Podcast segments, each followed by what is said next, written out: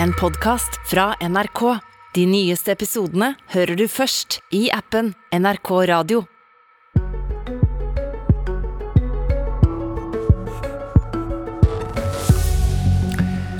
Han mener han overtok et forskningspolitisk konkursbo, og at skjeletter har ramla ut av skapene etter Solberg-regjeringa. Forsknings- og høyere utdanningsminister Ola Borten Moe er med i Politisk kvarter. Han er på vei til studieåpning på Nesna. Og han og Høyres Henrik Asheim har ulik fortelling om pengebruken, både i Forskningsrådet i Oslo og på lærerutdanninga på Helgelandskysten. Vi starter Politisk kvarter med forskningsdebatten, for det har vært ytra mye og hardt mellom Borten Moe og forgjengerne i avisspalter og fagpresse på seinvåren og nå i sommer. For å spole litt tilbake. Ola Borten Moe avsatte i vår det tidligere styret i Forskningsrådet. Grunngjevinga var økonomisk rot, bl.a. at det var planlagt for bruk av midler som det ikke var budsjettmessig dekning for. I sommer har det nye styret starta en spareprosess, mens en ekstern rapport har gått gjennom økonomistyringa. Forskningsminister Borten Moe ser ut til å være like sikker på behovet for opprydding nå som i vår, og han har gjentatt at han har arva et forskningspolitisk konkursbo fra høyreregjeringa. Hva mener du med det, Ola Borten Moe?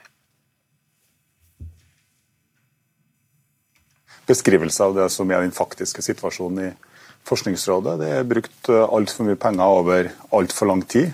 Man har, eh, for å si det på godt norsk, dratt kredittkortet.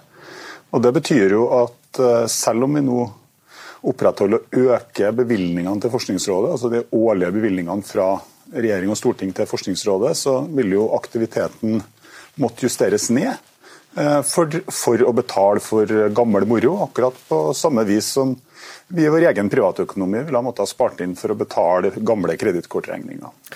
Ok, men Hvis du bruker dette kredittkortbildet, da, da, da, kan vi jo, da kan vi jo diskutere om vi skal skylde på de som bruker kredittkortet, eller, eller, de som utsteder kredittkortet. Er det viktigste her Høyres økonomiske løyvinger, eller er det Forskningsrådet sin, sin litt overivrige bruk av penger?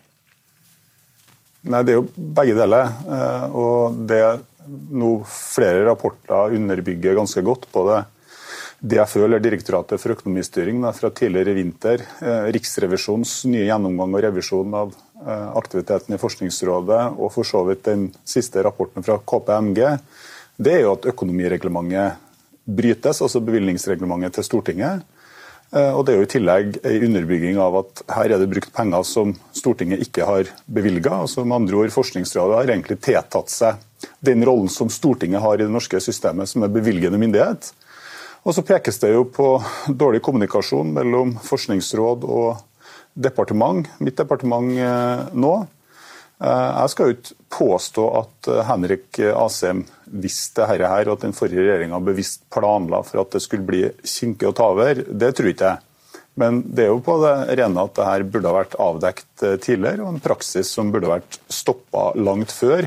Eh, rett og slett fordi at konsekvensene er så store, og egentlig for en uskyldig tredjepart, nemlig norske forskere, universitet og institutt. Så da sier du egentlig at du tror at Henrik Asheim ikke visste helt hva som skjedde, da? Jeg tror Henrik Asheim når han sier at det her visste han ingenting om. Eh, det endrer jo imidlertid ikke på det faktum at han var ansvarlig statsråd eh, gjennom store deler av denne perioden, og definitivt frem til jeg tok over i fjor høst. God morgen, Henrik Asheim.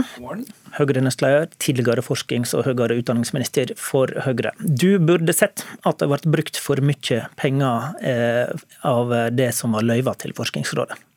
Nei, altså, Jeg har jo reagert på dette ordbruken med konkursbo osv. For det første fordi vi i regjering både laget langtidsplaner for forskning, vi løftet forskningsbevilgningene til over 1% av BNP stabilt. Alt dette ga jo mer forutsigbarhet i forskningssektoren. Så er det helt riktig at man da i altså våren 2022 oppdaget at Forskningsrådet hadde lovet bort mer penger enn det de hadde. Dette var jo en gjennomgang som vi satte i gang. Eh, faktisk så var det slik at Vi hadde jo bala med disse, det som kalles for avsetninger, men det at Forskningsrådet får penger som etter hvert hopet seg opp, kom ikke i arbeid. Og Det frustrerte ikke bare regjeringen, men det frustrerte Stortinget også. Så man vedtok i flere runder å uh, ta ned de avsetningene. Ok, Så alt dette foregikk på en slik måte at vi varslet i statsbudsjettet for 2022, og det blir skrevet og bestemt før valget i 2021, uh, at uh, her må man gjennomgå hvordan disse pengene brukes, og hvordan kan man sørge for også eventuelt en økt fleksibilitet kapasitet for Forskningsrådet for forskning. Det tar lang tid å finansiere, og det er noe som må planlegges for langsiktig. Eh, så da sier du egentlig at Borten Moes kritikk om at du burde sett dette før og rydde opp, den er helt irrelevant ennå? Du, du, du, så dette? Altså Man skal være veldig forsiktig med å si at det er helt irrelevant når man har vært ansvarlig statsråd for et felt. Men faktum er at jeg har jo også hatt tett dialog med Forskningsrådet. Eh, de siste prognosene jeg fikk var i overkant av to milliarder kroner i pluss. Eh, vi har spurt Borten Moe om dette når ble han klar over det. Han fikk beskjed om at i november valgte de orden. I mars hadde de fortsatt pluss, og i april gikk de i minus. Og Det betyr at eh, her er det et eller annet som har blitt avdekket. og Jeg tror det er mange ulike ting som har skjedd på en gang. Men, men det er klart, altså en ansvarlig statsråd er en ansvarlig statsråd, men her har det blitt gjort ting som eh, ikke departementet har vært klar over. Borten Moe Asheim eh, gjorde en jobb for å gjøre en gjennomgang av pengebruken i denne sektoren. Jeg tenker jo at vi er et viktig skritt lenger når vi i hvert fall er enige om virkelighetsbeskrivelser av det som er nå-situasjonen i eh, Forskningsrådet, nær sagt uavhengig av hvem sin skyld det er. For det er jo også en ting som Høyre har krangla på, som man har ment at det her har vært å, å, ta for hardt i. At det ikke har vært behov for denne type oppryddingsprosesser som eh, jeg har igangsatt. At eh, det er bare å gi litt mer slakke og fleksibilitet, så vil nær sagt det her ordne seg av seg sjøl. Hvis det nå er sånn at Høyre og Asheim deler den virkelighetsbeskrivelsen som jeg legger til grunn, nemlig at det er brukt altfor mye penger over tid, at man har trukket kredittkortet og at det nå er en stor regning som må plukkes opp, så er i hvert fall jeg glad for at vi slipper å diskutere den sida av saken. Og Det er for så vidt det viktigste. for Jeg òg tror ikke at det er sånn at noen av oss blir verken klokere eller at vi kommer nærmere løsning med å diskutere hvem var det som visste hva når. Eh, og hvem sin skyld er egentlig dette her. Styringa har i alle fulle fall vært for dårlig. Eh, og nå må vi egentlig konsentrere oss tenker jeg, om å gjøre det her best mulig fremover, inkludert å få på plass gode styringssystem eh, og et godt styre i Forskningsrådet. og det er jo er i full gang med. Men eh, ok, La oss rette blikket litt framover. Borten Moe, det nye styret som du har satt inn, sier det må kuttes til forskning dersom en skal dekke inn tidligere budsjettkutt fra Solberg-regjeringa. Det betyr egentlig at du må dra opp pengebruken i budsjettet i høst om ikke forskningsprosjekt skal ryke. Gjør du det, eller må vi ned i aktivitet? Ja, det ble jo innsi... Altså, nå ble det teknisk, da, men eh, ACM og den forrige regjeringa kutta jo i forskningsbevilgningene og gjennomført, gjennomført flere det de kalte engangskutt på til sammen knapt 2 milliarder kroner. Likevel så ga man Forskningsrådet beskjed om og hadde en analyse om at pengebruken skulle økes. Og Det har jo selvsagt ført til at du har et aktivitetsnivå som langt overstiger det bevilgningsnivået Stortinget har lagt til grunn. Det er Stortinget som bestemmer. Og Det betyr jo selvsagt at det totale aktivitetsnivået må ned. Okay, så, det, så, er jo spørsmålet så, så hvor mye og på hvilken måte. Og det er jo det vi... Det, ja, Selvsagt må det ned. Hvis du har et aktivitetsnivå som kanskje ligger 20-25% over det du har et bevilgningsnivå til. eller For å dra et, eh, for å dra et nærliggende eksempel, Hvis du bruker 25% mer penger enn det du faktisk tjener, så er det helt åpenbart at enten må du tjene mye mer penger på veldig kort tid. Eh, det kommer ikke til å skje. Ellers er du nødt til å tilpasse forbruket ditt det som er faktisk lønn, okay. faktisk bevilgningsnivå. Det er, det, det er, jo det, som nå kommer til å skje. Okay, takk, takk. Vi, vi, skal ta framover eh, altså, om et lite øyeblikk, men, men først uh, dette. Uh, de regjering kutta i åra 17 til 21 og ga beskjed om fortsatt samme aktivitetsnivå. Ja, og nå Dette blir teknisk enig med statsråden i det, men vi har jo i realiteten nesten doblet forskningsbevilgningene. Ja, men det, det, det, er ikke så veldig teknisk. Dere tok ned budsjetter, det var, det var knytta bl.a. til den eh, effektiviseringsreformen dere, men dere Nei. ga ikke beskjed om at aktiviteten skulle ned. Men det er feil. Uh, altså det er feil. Vi, ja, fordi det vi har gjort i budsjettene, det er hvert år å øke til over 1% av BNP, og vi har doblet bevilgning til forskning. Så er det andre at Forskningsrådet har jo da også penger som hoper seg opp på en konto.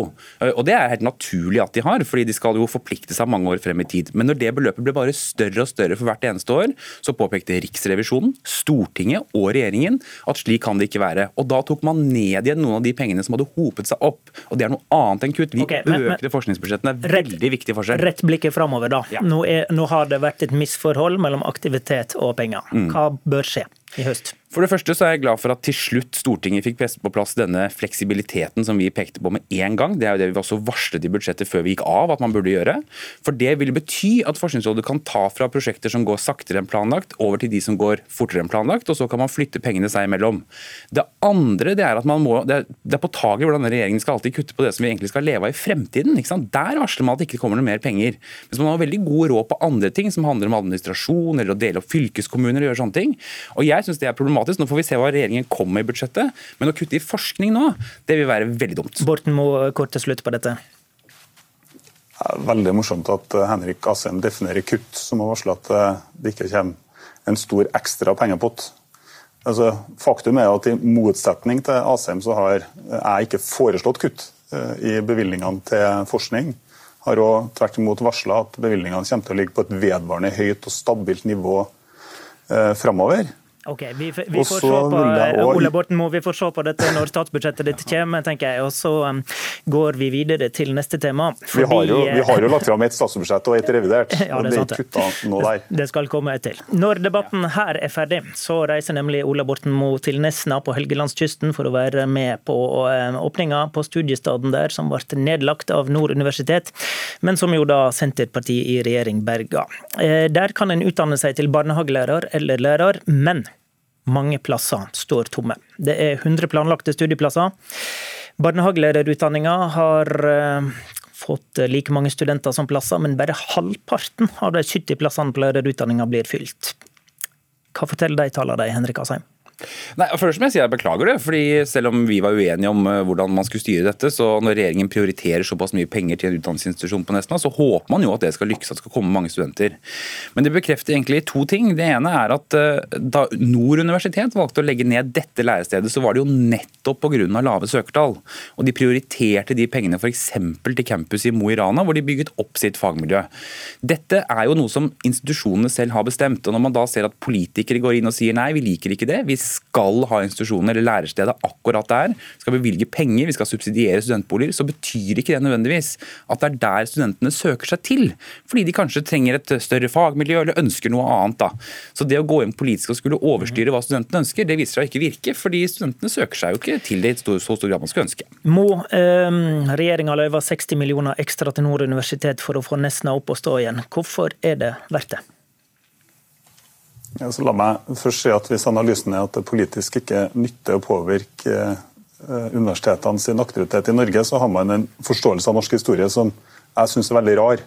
Det finnes knapt et lærersted i Norge, sannsynligvis ingen lærersted i Norge, som ikke er et resultat av politiske vedtak, og i mange tilfeller har politisk kamp. Men spørsmålet her er jo når halvparten av, halvpart, når halvparten av lærerplassene står, står tomme, Borten Moe, hva viser det da? Ja, og så er det sånn, eh, programleder, hvis jeg får lov, så sliter vi spesielt i Nord-Norge på lærerutdanningene med å få nok eh, lærerstudenter. Så de tallene som du refererer til for Nesna, de er ikke eh, særegen for Nesna. Du vil finne igjen lignende tall, og kanskje til og med verre, både i Bodø og i Alta f.eks. Det er jo ikke et argument for at vi skal slutte å utdanne lærere i Nord-Norge, altså snarere tvert imot så må jo vi snakke opp lærerutdanningene, spesielt i nord, fordi at lærerdekninga her er lavere, betydelig lavere enn i resten av landet. Så vi trenger lærerutdanninger som når folk der de bor. Vi trenger å nå, tror jeg, andre grupper. Folk som kan ta studier ved siden av at man jobber og har en familie som man skal eh, håndtere. Da må ha fleksible tilbud. Det er det på Nesna.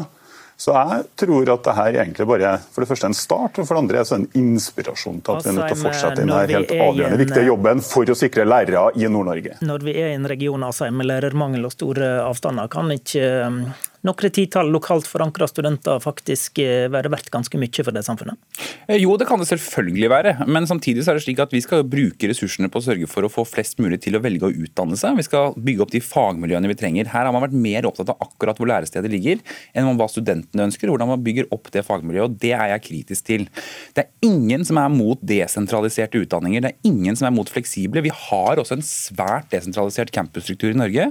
Men det er veldig viktig at vi prioriterer det som studentene også ønsker, og det som skaper fagmiljøer. og Det gjør man ikke her. Her handler det om prestisje. eh, til slutt, Borten Moe. Dersom søkertallene er som dette neste år, er det da drivverdig? Nei, som jeg sa, altså, Dessverre så er det sånn at uh, de her tallene ikke er særegen for uh, Nesna. Det er ikke et argument for å legge ned lærerutdanningene uh, på de her stedene. altså Snarere tvert imot. Vi vet at behovet kommer til å gå opp framover. Og vi har jo ikke noe annet valg enn å sørge for at vi har gode lærere over hele Norge.